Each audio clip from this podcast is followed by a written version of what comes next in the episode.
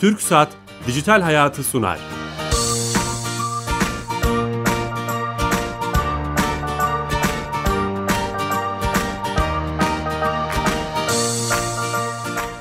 Herkese merhaba, ben Bilal Eren. Her cuma TRT Radyo 1 mikrofonlarında teknoloji, internet ve sosyal medyanın hayatımıza etkilerini konuştuğumuz dijital hayata hoş geldiniz.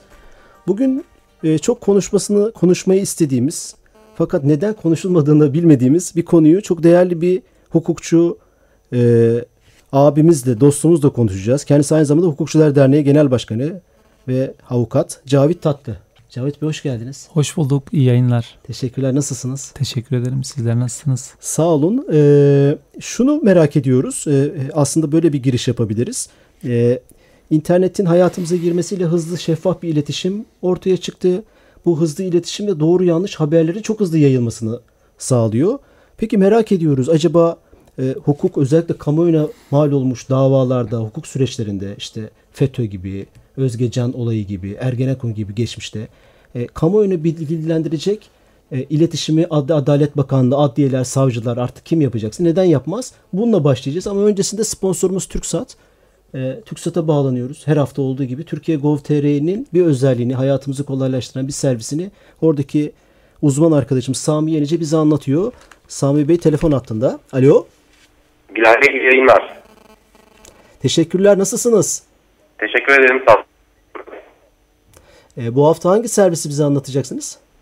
Bu hafta konuyla alakalı olması sebebiyle e, vatandaşlarımızın kullanabileceği hukuki hizmetler neler onlardan bahsedeceğim. Tamam. E, en çok kullanılan hizmetlerden aynı zamanda bu hizmetler dava dosyası sorgulama. Adalet Bakanlığı ile birlikte ortak çalışarak gerçekleştirdiğimiz bir hizmet. Aynı zamanda e, adli belgesini de kullanıcılarımız, vatandaşlarımız elleri kapısından alabilmekteler. Tamam. Burada e, önemli bir konuya e, değinmek istiyorum. E-Devlet Kapısı e, veri tutan bir platform değil. E, dolayısıyla kullanıcılarımız, vatandaşlarımız hizmetleri kullandığında biz her seferinde ilgili kurumdan gidip veriyi güvenli bir şekilde vatandaşa sunuyoruz. Dolayısıyla dava dosyanızı sorguladığınızda veya adli sicil belgenizi sorguladığınızda kurumdaki güncel en son veriye ulaşmış oluyorsunuz. Bireysel haklar için çok önemli bu. Evet.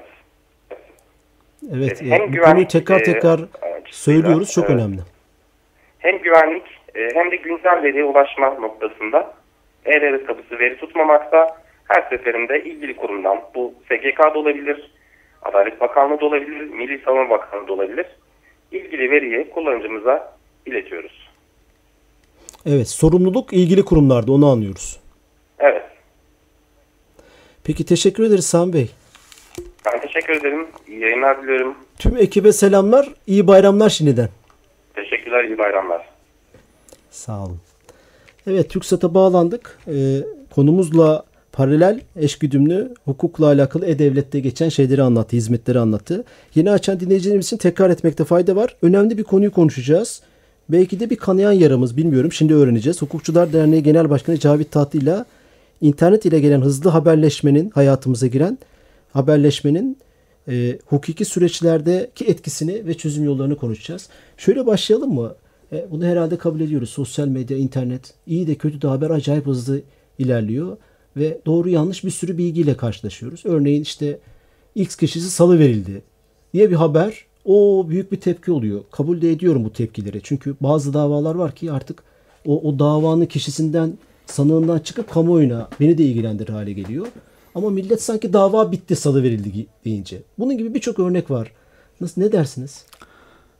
Bu bizim de bir sorunumuz. Ee, müvekkiller de bize geldiği zaman şu davadan şu kişi salı verildiyse veya tutuklandıysa bu niye salı verilmedi veya tutuklanmadı kendi davasıyla da kıyas yapıyor. Burada öncelikle ee, tamam bir sanal hayat var.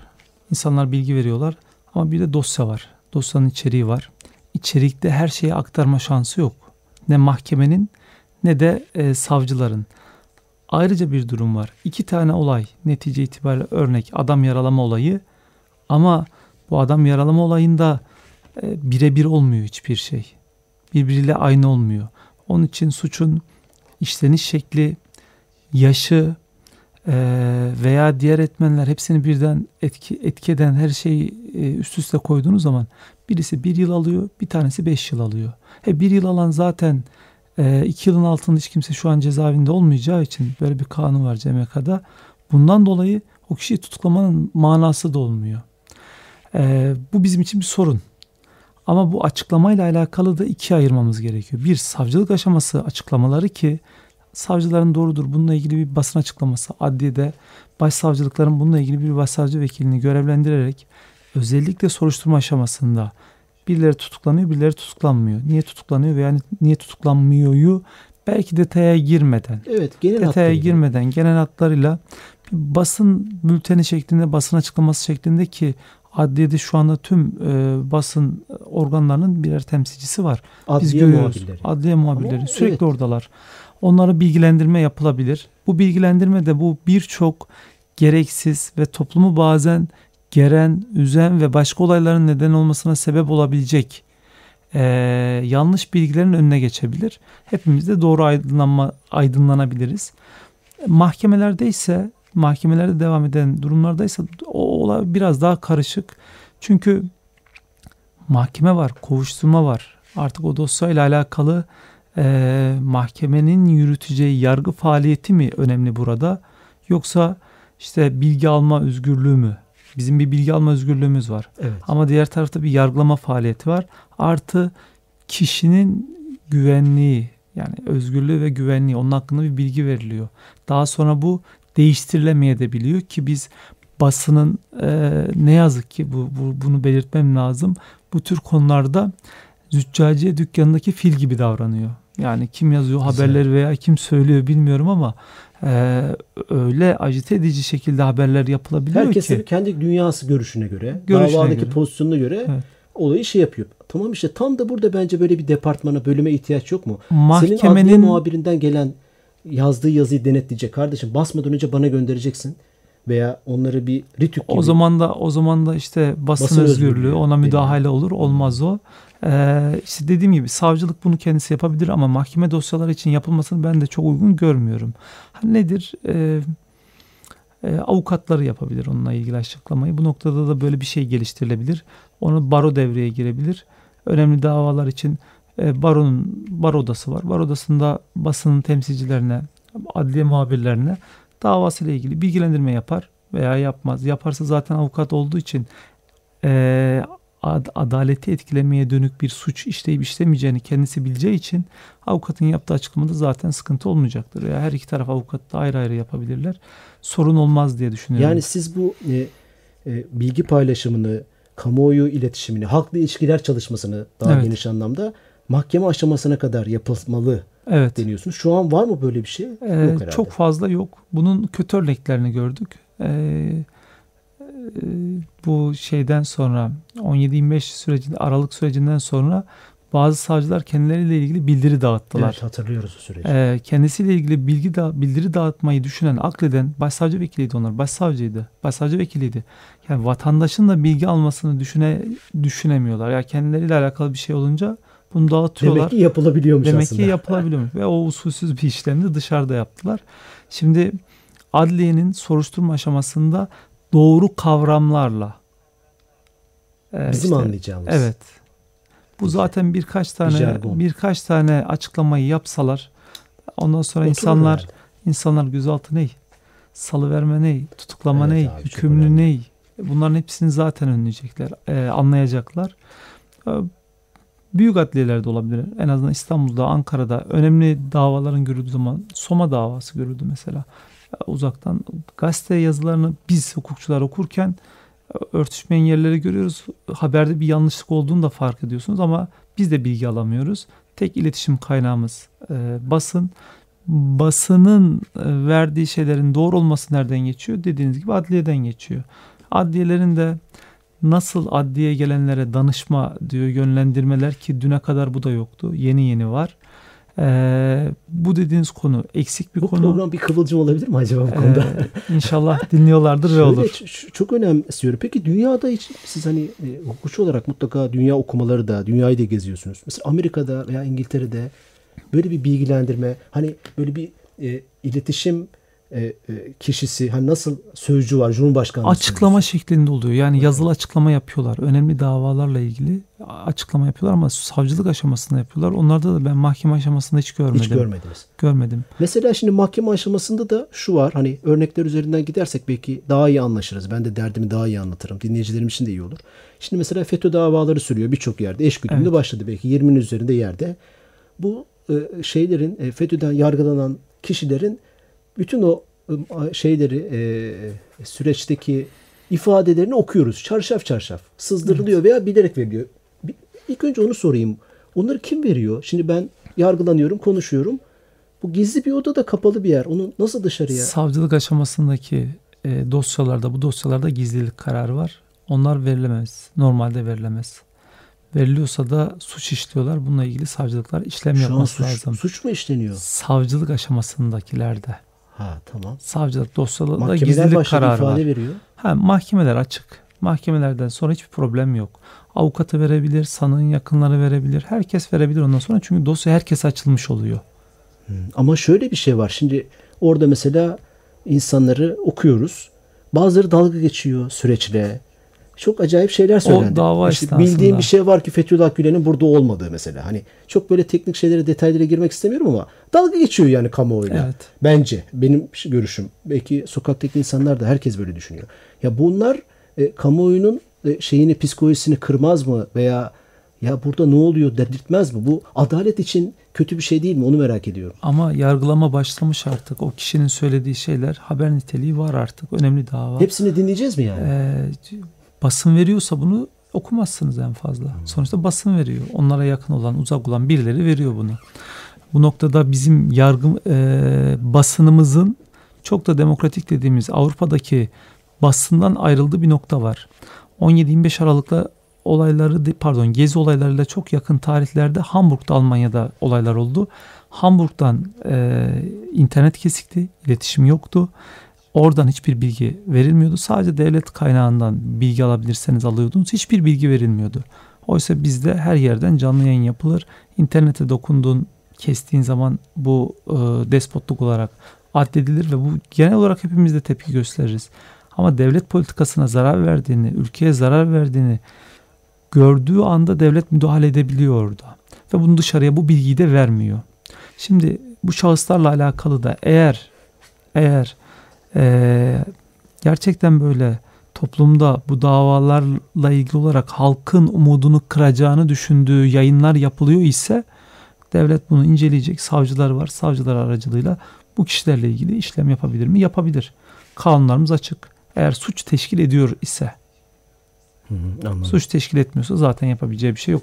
Ee, yani morali bozdu diye bir suç yoksa bunun arkası planda başka bir şey yoksa bu sahikle e, bu davalardaki insanlara moral aşılayayım. E, yargılamayı yapan kişileri hem töhmet altında bırakayım hem de bu davayı izleyen kişilerle bu davadan bir şey çıkmaz. Bunlar da yarın çıkacaklar. Suç Mesela işledikleri şu an- halde yanlarına kalacak gibi bir amaçla hareket edilmiyor ise ya bilgi veriyor adam diyorsunuz. Yani şu bu açıklamayla uzman işte hukukçu açıklamasıyla şunu öğreniyoruz. Mahkeme sürecinde bütün sanıkların ifadeleri özgürdür. Herkes Tabii. yayabilir. Bununla alakalı bir filtreleme bir şey yapılamaz. Bu süreci öğrenmiş olduk mesela Evet. ben bilmiyordum. Artı yargılama esnasında insanlar şunu da bekliyor. Bunlar suçüstü yakalandılar. Doğru birçoğu tankın içinden yakalandı gibi. İşte e, yurtta sulh biziz diye WhatsApp grubu var. Adam kamerayla görünüyor. Evet. Ben o değilim diyor mesela. Yani hani dalga geçiyor yani. Sanıkların yalan söyleme hakkı var. Müşteki yalan söyleyemez. Ama Tanık yalan sokaktaki adamın söyleyemez. da bunu her gün dinlemesi de Savunma hakkı kutsaldır. Savunmasını yapmaya başladı. Dinlemek zorundasınız o adamı siz. E, O adam konuşacak. Çok basit bir şey söyleyeyim. Ben bu davanın dünyada da böyle. Cenab Tabii. Bey. e, Adam tarihe kişi öldürmüş. Katil. Dalga Konuşur. geçiyor. Psikolojik problemi var. Onun her söylediği çarşaf çarşaf atıyorum Amerika'da bütün halk okuyacak mı onu? Yani? E, İşte bu burada basın dediğimiz şey devreye giriyor. Basın bunları yayınlıyor mu, Hmm, yayınlamıyor mu? basında olur diyorsun. Yani yayınladığınız şeyin ne yapacağını, nereye gideceğini siz düşünmek zorundasınız. Basın düşünmek zorunda. Veya vatandaş olarak da bunu okuyup okumamayı ben birçoğunu okumuyorum. Ee, bunu okuyup okumamak da vatandaşa kalmış bir şey. Çünkü yargılamalarla ilgili tarihe geçen yargılamalar vardır. Necip Fazıl'ın, ya, Fazıl'ın yargılandığı birçok dava vardır. Bunlar bu şekildedir. Ee, yabancı bir örnek İngiltere sanırım kaval çalmıştır. Kaval. Savunmasında. Öyle evet. Mi? Tabii. Dinleyeceksiniz. Bu benim savunmam demiştir. Şimdi bu açıdan baktığım zaman savunma hakkının kutsallığı denen bizde bir şey var. Bu kişilerin bir suçlu mu suçsuz mu olduklarını bize göre suçlu olup olmamaları önemli değil. Delillerle suçlu olup olmamaları önemli. Yani bir olay var, şahıs var, ortada da deliller, o bağların olması tamam, lazım. Kamuoyu da bunları bilmek, bilebilir, bilmeli, Tabii. hakkı var. Tabii. Saçmalasa da, küfür Tabii. de etse veya belki bir manifesto oradan biz Tabii, ders alacağız. Kendince. Kötü örnekler vermeyelim, iyi örnekler de verelim. Evet. Kamuoyunu dinler ama buradaki etiği ve e, kriterleri, kuralları basın koyar. Basın etiği. Tabii. Tamam. Yani mahkeme sürecinde görev basında onu anlamış olduk. Evet. Ama mahkemeden önce konuştuğumuz şeyde böyle bir eksiklik olduğunu ee, savcılıkta da şöyle bir şey var. O verilecek bilgiler de emin olun çok fazla olmayacak. Soruşturma gizli olduğu için belki hiç söyleyemediği soruşturma yapıyorlar çünkü yakalanamayan bir kişi olabilir. Oradan bir bilgi verilirse dışarıya sızarsa o kişi kaçabilir. Ha, Bizim evet. için bir şey ifade etmiyor ama orada tutuklu olan iki kişinin ismi söylendiği zaman o kişilerin o işle alakalı üçüncü kişisi olan dışarıdaysa kaçabilir. Çok dikkatli bir iletişim yapılması Tabii, lazım. Tabii yani Sınırları onun için belli. o kadar e, şey ki o sizin işinize yaramayabilir veya işte bilgi almak diyorsunuz ya hmm. o bilgi almak olarak addettiğiniz şey sizin konudan haberdar olayım ama diğer tarafta da bir soruşturma bir suçla alakalı suçla ilişkilendirilen kişiler e, belki ifadesi alınıp sadece salı verilecek ve hiç alakasız bir kişi de olabilir ama e, örnek bunu FETÖ e, sanıkları çok fazla yaptılar hiç olayla alakası olmayan kişilerin isimlerini verdiler. Ve birden fazla kişi bir kişinin ismini verdi. Bu kişilerden meslekten ihraç edilen geri dönenler, tutuklanıp salı verilenler, hmm, birçok bunlar oldu. Çünkü e, kamuoyu büyük davalarda bilgi bekliyor. Evet. Ama diğer tarafta işini yapmak zorunda olan ve işinden kasıt yargılama, özellikle ceza yargılamasının çok seri, hızlı ve adil olması gerekiyor hem hızlı olacaksınız hem de adil olacaksınız zaten tezat. E bunun yanına insanlar bilgi dağılsın dediğiniz zaman o soruşturmanın içine çıkamayabilirsiniz. Onun için sizin bahsettiğiniz anlamda herkesin bilgi sahibi olması konusu e, biraz daha e, zaman alabilir gibi.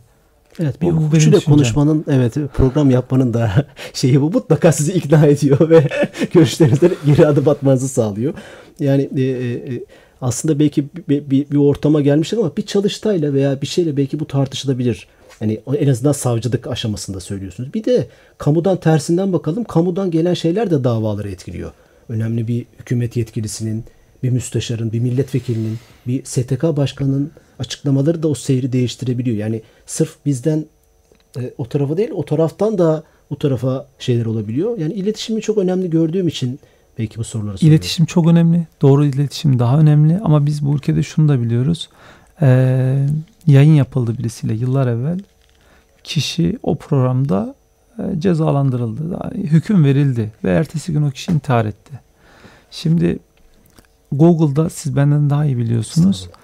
Unutulma hakkı denen bir şey üzerine duruluyor ve eski e, yayınlanmış haberleri müracaat ettiğiniz zaman siliyorlar ve çok doğru bir uygulama bana göre. Avrupa Birliği vatandaşlarına uygulanıyor. Uygulanıyor ve çok doğru. Ben müvekkillerimden birkaç tanesini uyguladım bunu. Çok mutlu oldular mesela. Ee, Nasıl yaptınız? Bir dakika bu önemli. Bu Google Türkiye'den kabul etmiyor diye biliyoruz. Ediyor. Öyle mi? Ediyor. Yani taleplerinizi siyasi olur ve Türkiye aleyhine lehine olabilecek bir şeyse kabul etmiyor. Ama normal vatandaşlarla ilgili şeyler de kabul Onu ediyorlar. Buradan duyuralım. Mesela bunlarla alakalı şanslarını, yaptık. Şanslarını denemeleri lazım. Bizim e, müracaatımızın neticesinde olumlu olan oldu. Harika. E, şimdi bu unutulma şeyinden bahsediyoruz. Hak olarak görüyoruz. Bir kişinin ifadesi alındı diye bir altyazı geçtiği zaman o kişi ertesi sabah Türkiye'de o suçu işlemiş olarak ve hatta birkaç tane daha suç üzerine e, o kişiye eklenmiş olarak uyanıyor. Doğru, evet. Adamın bütün kariyeri, hayatı değişebilir yani. Evet. Gözaltına almak halbuki bildiğim kadarıyla değil mi? O sadece bir süreç yani. Sizin ifadenize başvuracak. Takipsizlik de alabilir. Takipsizlik de alabilir. Beraat edebilir. Ee, herkes Anadolu, gözaltına alınabilir. Evet. Herkes alınabilir. Yani siz şimdi trafikte çıktınız arabayla gidiyorsunuz bir kişiye %100 karşı taraf suçlu da olsa Şimdi burada basın mı suçlu peki? vefat Bey? etti diyelim. Çarptınız, vefat etti. Siz gözaltına alacaksınız veya ben gözaltına alınacağım. Alınmak zorundayız. O prosedür o. Prosedür. Alınmak zor. Bu e, gözaltına alınmanın bazen o suç işleyen veya o olaya karışan kişiyi koruma amaçlı da yapıyorlar. Hmm. Dışarıda bıraksalar diğer taraf saldıracak Doğru, belki. Bu da var. Yani olaylar tek taraflı değil. Birçok yönü var. Bunların düşünülmesi lazım. Adliye ayağının siz diyorsunuz ki önemli bir olay. Önemli olayda toplumun bilgi alması gerekiyor. Ama o kişinin de e, manevi şahsiyetinin korunması lazım. Bizim ülkemizde eğer korunamıyorsa şu anda ki bana göre korunamıyor. Daha e, somutlaştırarak örnek vereyim. Bundan 6-7 ay evvel FETÖ ile alakalı bir e, ilimizdeki bir avukat arkadaşımız gözaltına alındı. İki gün gözaltında kaldı. Gözaltından salıverildi ve ş- birçok müvekkilini kaybetti. Geçen hafta da takipsizlik kararı aldı. Ya. Şimdi bu kişi bu arada yaşadığı kaybı nasıl Kim telafi edecek? edecek? O müvekkiliyle daha ne kadar çalışacaktı ve ne kadar para kazanacaktı mesela. Çoluğun İşte aslında tam da burada götürüyor. doğru iletişimin belki de önemini hem basın ayağında hem adliye ayağında. Peki siz Hukukçular Derneği olarak belki böyle bir şey yapmayı Biz basınla basınla böyle bir çalışma noktasında düşüncemiz var. Tamam Ee, süper. Çünkü e, kavramları karıştırıyorlar. Kavramları karıştırdıkları zaman o daha fecaat oluyor. Ee, çok önemli yazarlarımız, köşe yazarlarımız veya işte çok önemli e, yayın yapan programlara bakıyorsunuz. Örnek tutuklamayla e, tutuklulukla hükümlülüğü karıştırabiliyor. E, Tutukluluk dava aşamasında hükümlü işte mahkemesi kesinleştiyse gibi bu ayrımları karıştırabiliyor. E, bunları biraz da e, verdikleri programlar içerisinde verilmesi gerekiyor diye düşünüyorum. Kavramların da verilmesi gerekiyor. Veya lisede lise e, çağında vatandaşlık dersleri vardır. Orta sonda vardı en azından bizim zamanımızda. Hukukla alakalı, temel hukukla alakalı bazı dersler verilebilir, verilerek topluma yayılabilir bu. Hmm, bu da güzel. E, ge- Hukuk okur yazarlığı gibi. yani en azından temel kavramları insanların bilmesi lazım. Veya işte ortaokulda bize dilekçe yazmayı öğretiyorlardı. Ee, hukukla alakalı bir mahkemeye müracaat, bir mahkemeden size evrak geldiğinde ne olacağı. E, süreler var. Bizim mahkemelerimizle alakalı süreler var. Bu süreler içerisinde sizin işlem yapmanız lazım. İşlem yapmadığınız zaman yüzde yüz haklı olduğunuz halde e, süreyi kaçırdığınız için kaybet, kayıplarınız oluyor. E, ve herkesin de avukata e, veya işte danışabileceği biri bunları bilen kişiler olmayabiliyor. E, bu anlamda belki liselere bu dersler konularak Güzel bir öneri programdan çıktı. Mesela bu çıktısı oldu programın.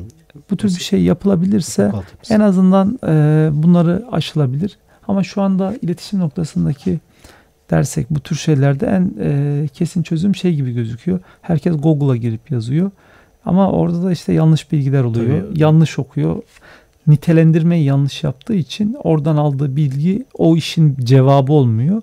Yanlış işlem yapıyor. Yine hak kaybına uğramış olabiliyor. O zaman şu liselerde yapılan yapıldığı gibi adliye muhabirlerini zaman zaman e, güncellemek, belki onlarla beraber bilmiyorum Adliye Olabilir. Muhabirleri Derneği veya bir STK'sı var mı? Var. Bu konuda bir Onların onların var. Artı e, aslında adli muhabirleri bakıyorum ben genel olarak bilgili arkadaşlarda. Yani hem İşte davaları da çok şey yapıyor. takip ediyorlar. Mesela e, e, bu FETÖ'nün gazetelerindeki adliye muhabirleri süreci Ergenekon sürecinde mesela hani manipüle etmek çok amacıyla manipüle etmişlerdi. ama o işte bakın e, terör örgütü olduğu için bugün yargılanıyor. Basın işlevi görmüyordu. Basın amacıyla orada değildi. Bilgi vermek amacı yoktu. Orada nasıl savcı, hakim, emniyet mensupları bir kişileri bir kişiyi kasıtlı olarak cezaevine e, atmak için bir kumpas kurdularsa bunu halka anlatmak için de basını yaptılar. Evet doğru. O dönem hatırlayacaksınız soruşturmalar gizlidir. Avukatların elinde dosya yok. Hiçbir şey bilmiyorlar. Onlar Ama biz Aa, dışarıda biz dışarıda e, şeyler okuyoruz. E, nedir onun ismi? E, ne denilmiş? Hangi sorular? Deliller ne? Şike dava sürecini hatırlayacaksınız. İşte arabalardan bahsedildi, çantalardan bahsedildi. E, 17-25 Aralık'ta başka şeylerden işte e, kutulardan, ayakkabı kutularından bahsedildi. Başka davalarda bir derneğin basılması davası Oradaki vardı. fotoğraflar çarşaf çarşaf verildi. İşte tam da burada bence O suçtu mesela. o suçtu öyle mi? Onunla ilgili dava açması gerekenler o suçu işleyenlerdi zaten. O katiplerle beraber savcılar vermişti. O savcıların hepsi ya ihraç ya cezaevinde ya dur yurt dışında şu anda.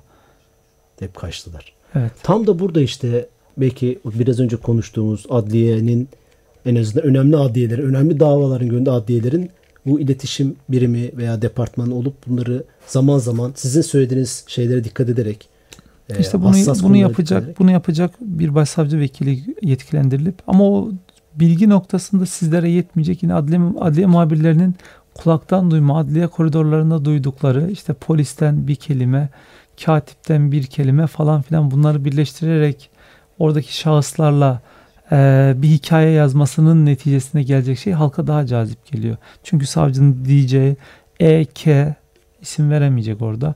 EK adliyemizce işte yapılan soruşturma gereği gözaltına alınmıştır. Herkes diyecek ki tamam ne oldu? İşte ondan sonra o e, diğer şeyler başlayacak. Fiskos başlayacak. Psikos başlayacak. Sosyal medyada zaten O hemen yapılmaya çok- başlayacak. Çok şey.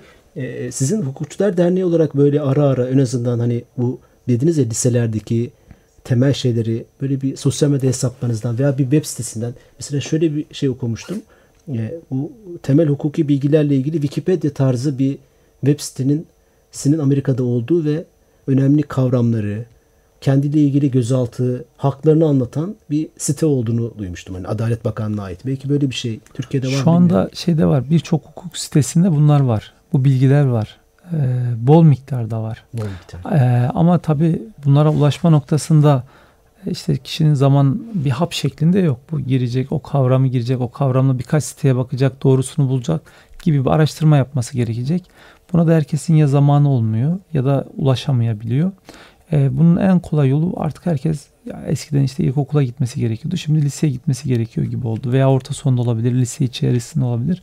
Bu tür bilgilerin verilebileceği, e, kısa derslerin olabilirse veya programlar olursa onlar ben faydalı olabileceğini düşünüyorum. En azından o yaşlarda oturursa bazı kavramlar, haklar, Haklar. Polis geldi, evrak geldi, savcının karşısına çıktı, susma hakkı nedir? Bunları bilmesi gerekiyor. İşte avukat talep edebilir mi? Her sanık ifade vermeden evvel ben e, avukat istiyorum diyebilir. Ve işte e, CMK kapsamında ona devlet avukat vermek zorunda. Avukat nezdinde ifade verebilir. Mesela. Ya şunu görüyorum yaptığınız programların büyük çoğunda belki dörtte üçünde konu eğitime dayanıyor. Evet. Mutlaka eğitime geliyor. Yani bu kadar önemli bir şeyle karşı karşıyayız. Programın sonuna geldik. Bayram da geldi. Son sözleriniz nedir? 20-30 saniye. Ee, herkese hayırlı bayramlar diliyorum. Ee, adliyele, adliyelere uğramadıkları bir bayram olsun diyorum. İnşallah güzel dilekler. Ee, vakit ayırdınız. Çok teşekkür ederiz. Ee, Cavit Tatlı'nın Twitter adresini mutlaka ta- takip edin. Cavit Tatlı olarak geçiyor değil mi? Oradan bu tip e, kamuoyuna mal olmuş bilgileri kendisi veriyor. Takip edecektir. Daha da çok verecektir eminim. Ee, programımızın burada sonuna geldik. İnternetin ve sosyal medyanın hayatımıza etkilerindeki ve hukuki süreçlerindeki e, iletişimin önemini konuştuk. Haftaya yeni konu ve konuklarla beraber olacağız. Pazar günü de bayram. Şimdi herkesin bayramını tebrik ediyorum. Ailenizle, sevdiklerinizle geçirmeniz duasıyla, di- dileğiyle. İyi hafta sonları, hoşçakalın.